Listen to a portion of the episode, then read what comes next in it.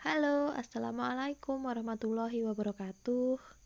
Jumpa lagi dengan Bu Dewi. Kemarin kita absen ya Kita tidak ada podcast, hanya tugas luring. Hari ini udah ada podcast lagi. Anak-anakku, hari ini kita akan belajar materi PKN dan Bahasa Indonesia. Nah, tapi bedanya anak-anakku Hari ini kita akan belajar menggunakan LKS Karena di LKS materinya udah dipersingkat jadi untuk mengejar kurikulum ya untuk mengejar kurikulum kita menggunakan LKS untuk minggu-minggu ini untuk tema 2 ini. Anak-anakku sebelum mulai pembelajaran mari kita berdoa menurut agama dan kepercayaan masing-masing. Semoga pembelajaran kita mendapatkan kelancaran dan kesuksesan. Berdoa dimulai. Berdoa selesai Tujuan pembelajaran pada hari ini, kalian akan memahami tentang tanggung jawab dan kalimat tanya. Nah, apa itu tanggung jawab? Di halaman 2, kalian bisa membuka, di situ ada pengembangan materi tentang tanggung jawab. Tanggung jawab adalah keadaan wajib menanggung segala sesuatu. Tanggung jawab adalah kesadaran manusia akan tingkah laku atau perbuatan yang disengaja maupun tidak disengaja. Tanggung jawab juga berarti membuat seba berbuat sebagai perwujudan kesadaran akan kewajiban. Jadi orang yang bertanggung jawab itu artinya adalah orang yang berbudaya dan beradab. Nah, jadi tanggung jawab itu beda nggak sih sama kewajiban? Beda. Kalau kewajiban itu kan lebih ke tindakan ya, tindakan uh, melaksanakan segala sesuatu yang harus dilaksanakan itu kan kewajiban. Kalau hak kan menerima segala sesuatu yang harus diterima itu hak. Sedangkan tanggung jawab bedanya apa dengan kewajiban? Nah, tanggung jawab itu lebih ke kesadaran diri akan konsekuensi logis dari apa yang dimiliki, dari apa peran kita, kita sebagai apa, dari apa yang kita lakukan, baik disengaja maupun tidak disengaja. Kita menyadari ada konsekuensinya, sehingga kita dapat memilih berbuat baik atau berbuat tidak baik. Tentunya orang yang bertanggung jawab akan memilih berbuat baik.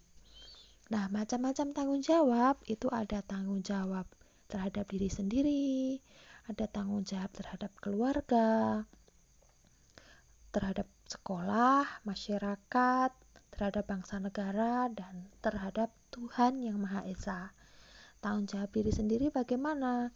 Tanggung jawab pada diri sendiri itu menentukan kesadaran orang untuk memenuhi kewajibannya. Jadi tanggung jawab itu lebih ke kesadaran bentuknya. Kamu ingin punya masa depan yang seperti apa? Jadi kamu harus bertanggung jawab kepada diri sendiri, misalkan dalam hal kesehatan tanggung jawab kepada diri sendiri apa? Mau makan sayur-sayuran. Untuk kesehatan sendiri jangan cuma makanan yang apa uh, makanan cepat saji saja seperti burger pizza uh, sosis french fries dan lain-lain. Boleh sekali-kali tapi bentuk tanggung jawab pada diri sendiri apa? Tentunya makan makanan yang bergizi mau makan sayur-sayuran. Kamu sebagai siswa nih kalian masih sekolah SD kan tanggung jawab diri sendiri sebagai siswa apa? Belajar dengan sungguh-sungguh.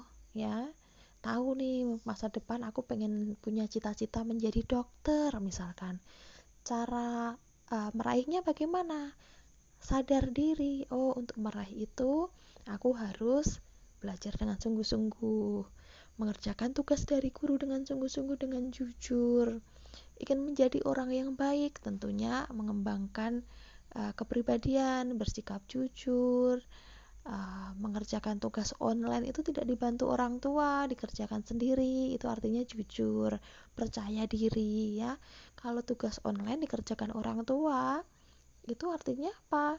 Tidak jujur ya, nangis, minta tolong orang tuanya karena tugas-tugas uh, yang diberikan dari bu guru itu bukan tugas orang tua tapi tugas kalian Nah, itu adalah contoh bentuk tanggung jawab kepada diri sendiri.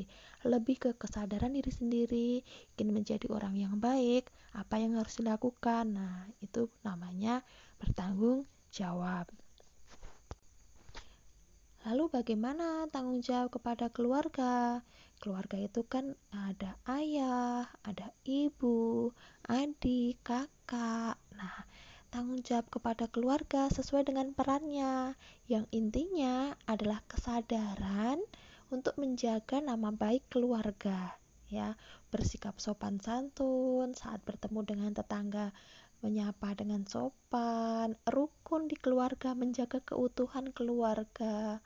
Nah, itu adalah contoh tanggung jawab dalam kehidupan keluarga atau terhadap keluarga. Lalu, bagaimana tanggung jawab terhadap sekolah? Misalkan kalian murid SD Negeri Ngoresan.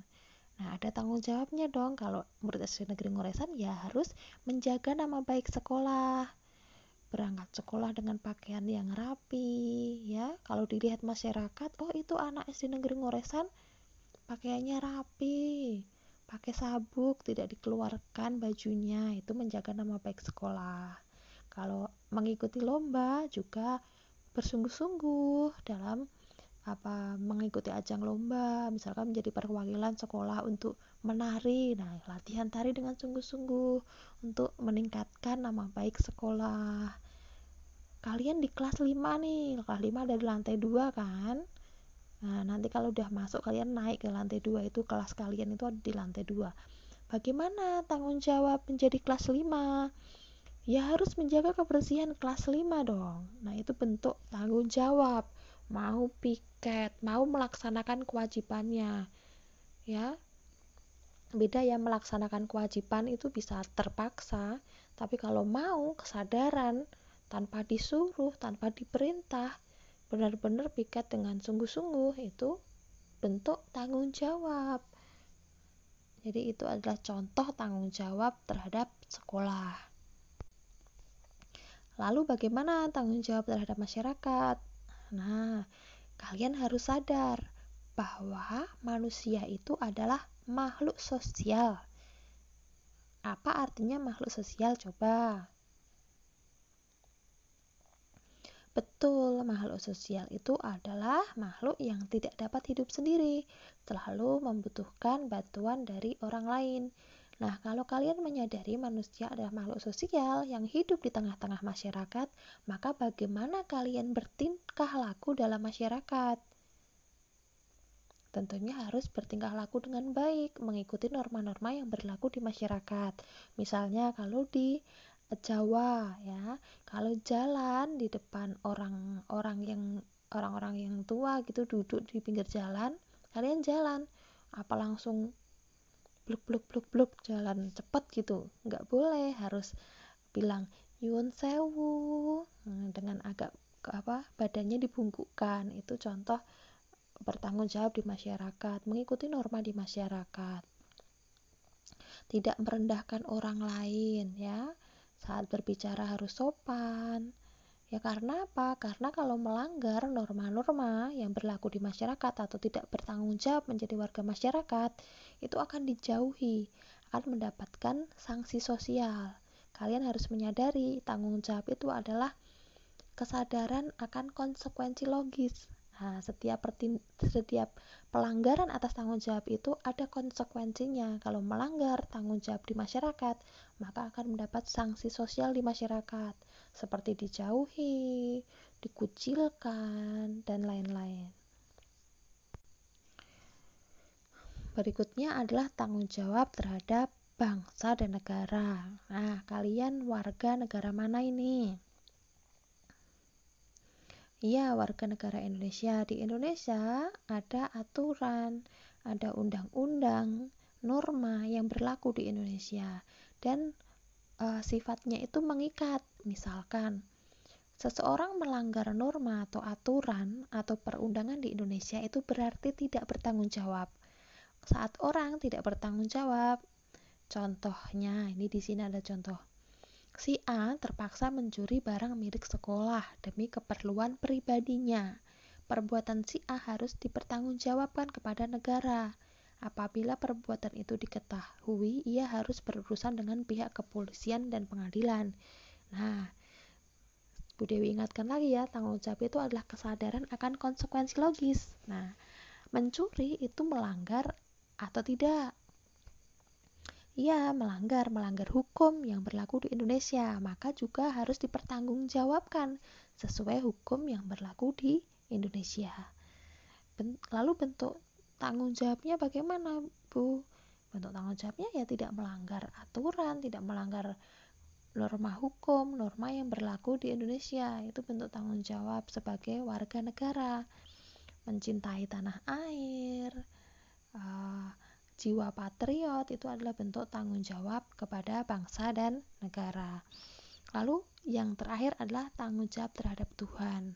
Di Indonesia ada enam agama yang diakui, yakni Islam, Kristen, Katolik, Hindu, Buddha, dan Konghucu. Bagaimana bentuk tanggung jawab kita kepada Tuhan? Ya tentunya melaksanakan kesadaran untuk melaksanakan ajaran agama yang kita yakini karena kita menyadari akan ada konsekuensi dari apa yang kita perbuat sesuai dengan ajaran agama kita masing-masing. Setelah kehidupan akan ada kehidupan lagi. Ada surga dan ada neraka. Kalau kita berbuat baik sesuai dengan ajaran agama, maka kita akan mendapatkan pahala. Begitu juga kalau kita berbuat dosa atau berbuat melanggar aturan agama, maka kita akan mendapatkan dosa.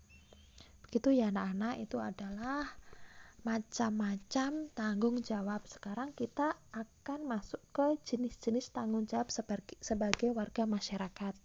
Tadi kan kita sudah apa, membahas bahwa kita adalah makhluk sosial. Ya, lalu bagaimana jenis-jenis tanggung jawab sebagai warga masyarakat? Manusia sebagai warga masyarakat hendaknya memperhatikan hal-hal yang menjadi tanggung jawab agar tercipta kehidupan masyarakat yang harmonis, damai, dan nyaman. Nah, seperti tadi kan kita bahas bahwa orang kalau melanggar tanggung jawab di kehidupan masyarakat akan dikucilkan, akan mendapatkan sanksi sosial. Kira-kira kalau dikucilkan itu hidupnya damai apa enggak? Enggak, tentunya hidupnya akan susah karena masyarakat mengucilkan, mendapatkan sanksi sosial. Lalu apa saja jenis-jenis tanggung jawab di masyarakat agar kita terhindar, agar hidup-hidup kita damai, tentram, harmonis dengan warga masyarakat yang lain? Yang pertama, harus memelihara ketertiban dan keamanan hidup masyarakat. Lalu kedua, menjaga dan memelihara rasa persatuan dan kesatuan dalam masyarakat. Meningkatkan rasa solidaritas sosial sebagai sesama anggota masyarakat. Menghapuskan bentuk-bentuk tindakan diskriminasi dalam kehidupan di masyarakat untuk menghindari perpecahan masyarakat, bangsa, dan negara. Diskriminasi itu apa? Diskriminasi itu bentuk memojokkan orang-orang minoritas misalkan orang-orang minoritas terus kalian pojokkan, kalian salah-salahkan, itu adalah contoh diskriminasi. Tidak ada keadilan untuk orang-orang minoritas itu adalah contoh-contoh diskriminasi.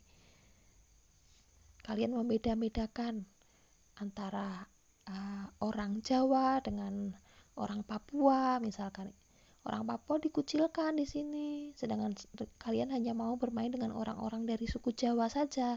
Itu adalah contoh bentuk diskriminasi. Tidak boleh membeda-bedakan suku, agama, ras, golongan. Nah, di Indonesia harus bineka tunggal ika.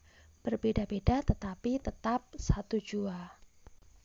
Baik anak-anak, nah itu tadi adalah pembelajaran pendidikan kewarganegaraan kita pada hari ini pada subtema 1, sekarang kita pasti akan banyak muncul pertanyaan di benak kita. Lalu bagaimana cara bertanya? Cara bertanya akan kita bahas di pembelajaran bahasa Indonesia. Coba kalian buka halaman 8. Setelah belajar tentang tanggung jawab tadi, mungkin akan banyak pertanyaan di benak kalian. Nah, untuk menyampaikan pertanyaan, kita harus menggunakan kalimat tanya.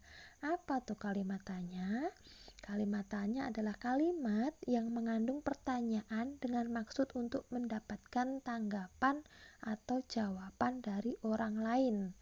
Nah, kalimat tanya itu harus menggunakan kata tanya. Kata tanya itu bisa apa siapa, di mana, mengapa, kapan, bagaimana, dan sebagainya. Lalu diakhiri dengan tanda baca tanya. Tanda baca tanya itu seperti itu. Di nomor 2 lihat. Melungker titik gitu. Itu tanda baca tanya. Kalau kalian disuruh buat kalimat tanya tanpa ada tanda tanya akan disalahkan sama Bu Dewi karena ciri kalimat tanya harus ada tanda tanya. Sering juga disertai dengan imbuhan kah, misalkan apakah, di manakah, berapakah Nah, ada kata kah, tapi tidak harus. Sering juga itu berarti tidak pakai juga tidak apa-apa, tergantung konteks kalimatnya.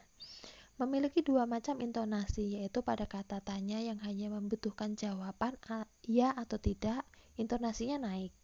Tetapi pada kalimat tanya yang membutuhkan jawaban yang jelas, intonasinya menurun. Contohnya, apakah kalian sudah minum? Oh maaf itu itu intonasi naik ya. Apakah kamu sudah minum? Nah untuk intonasi turun di mana kamu bertemu dengan Tony? Nah itu menggunakan intonasi menurun. Fungsi kata tanya sekarang. Untuk kata tanya apa itu menanyakan benda atau sesuatu. Apa makanan kesukaanmu apa apa yang membuatmu bersedih? Apakah yang membuatmu bersedih? Apa yang kamu sembunyikan itu? Apakah hobimu? Nah. Lalu kata tanya siapa? Itu untuk menanyakan pelaku atau orang ya. Siapa nama adikmu yang kembar? Siapa nama orang tuamu? Siapakah Presiden Republik Indonesia? Itu siapa menanyakan orang atau pelaku. Lalu kapan? Itu untuk menanyakan waktu ya, waktu kejadian. Kapan kamu berangkat ke Jakarta? Kapan ya sekolahan kita, sekolah kita mulai pembelajaran tatap muka? Kapan ya kita masuk sekolah lagi? Nah, itu ya.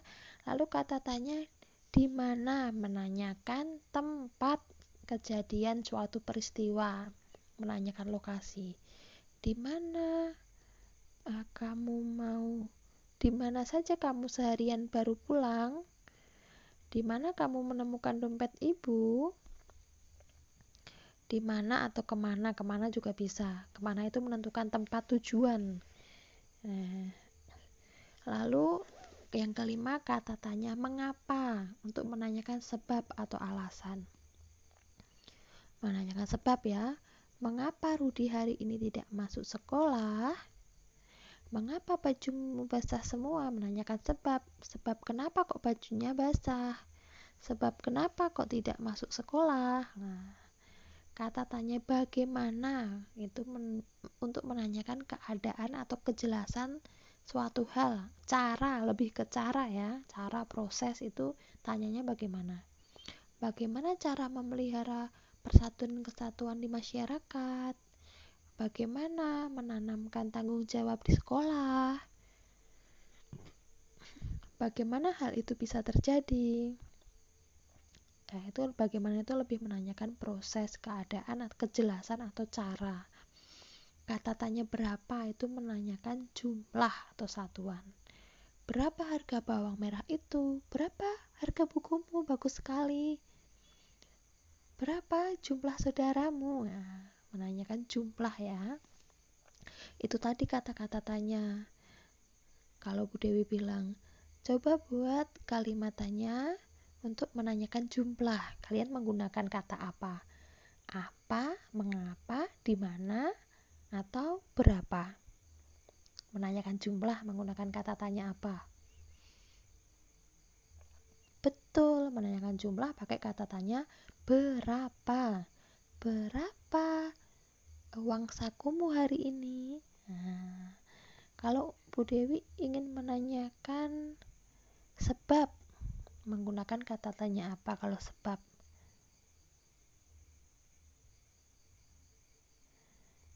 Sebab uh, tidak masuk sekolah gitu. Apa? Siapa atau siapa tidak masuk sekolah? Itu bukan menanyakan sebab ya. Apa tidak masuk sekolah? Itu juga tidak menanyakan sebab ya. Kalau sebab kata tanyanya adalah mengapa? Mengapa kamu tidak masuk sekolah? Aku tidak masuk sekolah karena ada acara keluarga. Nah terjawab sudah sebabnya karena ada acara keluarga. Begitu ya sampai sini pasti memahami kan? Untuk menanyakan untuk menanyakan apa kalimat tanyanya juga bagaimana. Jadi harus jelas. Misalnya menanyakan benda ya menggunakan kata tanya apa. Kalau menanyakan orang kata tanyanya siapa. Untuk menanyakan jumlah pakai kata tanya berapa dan lain-lain. Jenis-jenis kalimat tanya sekarang Nah, jenis-jenis kalimat tanya, jenisnya ada kalimat tanya biasa, itu yang umum digunakan seperti yang disebutkan Bu Dewi tadi. Itu adalah kalimat tanya biasa. Yang kedua adalah kalimat tanya klarifikasi atau konfirmasi. Itu hanya menggunakan hanya memerlukan jawaban ya, tidak, belum, sudah. Nah, apa kamu sudah makan? Apa kamu sudah uh, minum? Apa kamu sudah sehat? Itu hanya memerlukan jawaban ya atau tidak atau belum atau sudah. Itu disebut kalimat tanya klarifikasi atau konfirmasi. Yang ketiga adalah kalimat tanya, kalimat tanya retoris. Retoris itu tidak memerlukan jawaban. Retoris itu apa? Tidak memerlukan jawaban. Contohnya kamu jatuh karena apa karena saking banyak geraknya disuruh orang tuamu diam tapi kamu nekat lari-larian akhirnya kamu jatuh. Terus orang tuamu tanya gimana? Enak ya jatuh ya? Nah itu kan nggak perlu jawaban. Pasti jatuh itu tidak enak. Nah kalimat retoris itu ditanyakan sebenarnya tidak memerlukan jawaban. Contohnya lagi kalian uh, mainan api. Terus akhirnya tangannya kena api terus orang tuamu tanya gimana panas nggak apinya Nah, itu sudah tidak perlu jawaban karena sudah jelas bahwa api itu panas. Lalu ditanya lagi, bagaimana? Kamu mau jadi orang kaya enggak? Nah, itu sudah tidak perlu jawaban karena semua orang ingin menjadi orang yang kaya. Itu pertanyaan-pertanyaan retoris yang tidak memerlukan jawaban atau jawabannya sudah pasti. Yang keempat, kalimat tanya tersamar. Kalimat tanya yang disampaikan secara tidak langsung oleh si penanya. Kalimat ini menanyakan sesuatu yang bermaksud terselubung seperti memohon, merayu, menolak, menyuruh, dan lain-lain. Apa pantas, contohnya ya, apa pantas anak yang pintar sepertimu tinggal kelas? Nah, itu kalimat yang disampaikan secara tidak langsung penanya oleh penanya ya menanyakan sesuatu dengan maksud terselubung seperti menolak, menyuruh, menyindir ya, terselubung ada niat terselubung. Apa kamu tidak ingin rambutmu panjang, wangi dan rapi dan wangi? Ya, ada niat agar apa? Agar menjaga kebersihan misalkan. Apakah kamu uh, tidak ingin naik kelas? niatnya apa? Bertanya seperti itu. Ya niatnya biar kamu rajin rajin belajar. Itu ya kalimatannya terselubung jadi tersamar. Jadi ada niat di balik pertanyaannya. Nah biasanya tanya menanya itu ada pada kegiatan wawancara wawancara biasanya dilakukan sama siapa reporter atau wartawan ya tapi kita juga bisa mengadakan wawancara. Wawancara itu apa? Wawancara itu kata lainnya interview. Adalah suatu percakapan antara dua orang atau lebih dan berlangsung antara narasumber dan pewawancara. Tujuan dari wawancara adalah untuk memperoleh informasi yang tepat dari narasumber yang terpercaya. Wawancara dilakukan dengan cara menyampaikan jumlah pertanyaan dan pewawancara dari pewawancara kepada narasumber.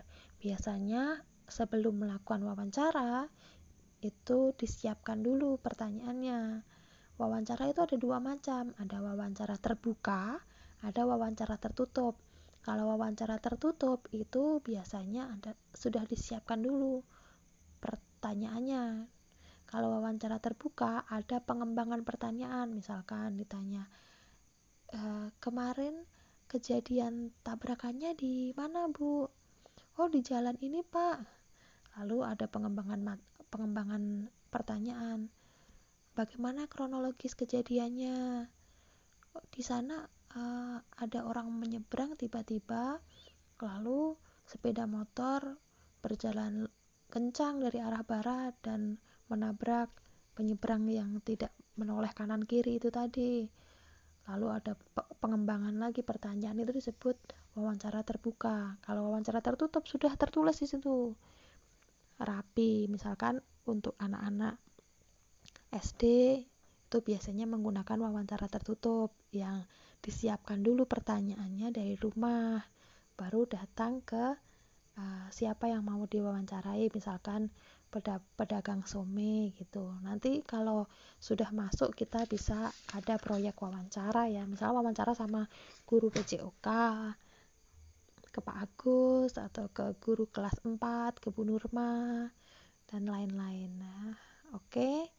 Ini dulu pembelajaran kita hari ini hari ini anak-anak ya. Besok kita belajar IPA dan kalian juga kemarin sudah membuat tugas luring kan menggambar alat pernafasan pada hewan tiga buah. Jangan lupa besok itu dikumpulkan bersama dengan tugas-tugas luring yang kemarin ya. Sekian pembelajaran dari Bu Dewi. Wassalamualaikum warahmatullahi wabarakatuh.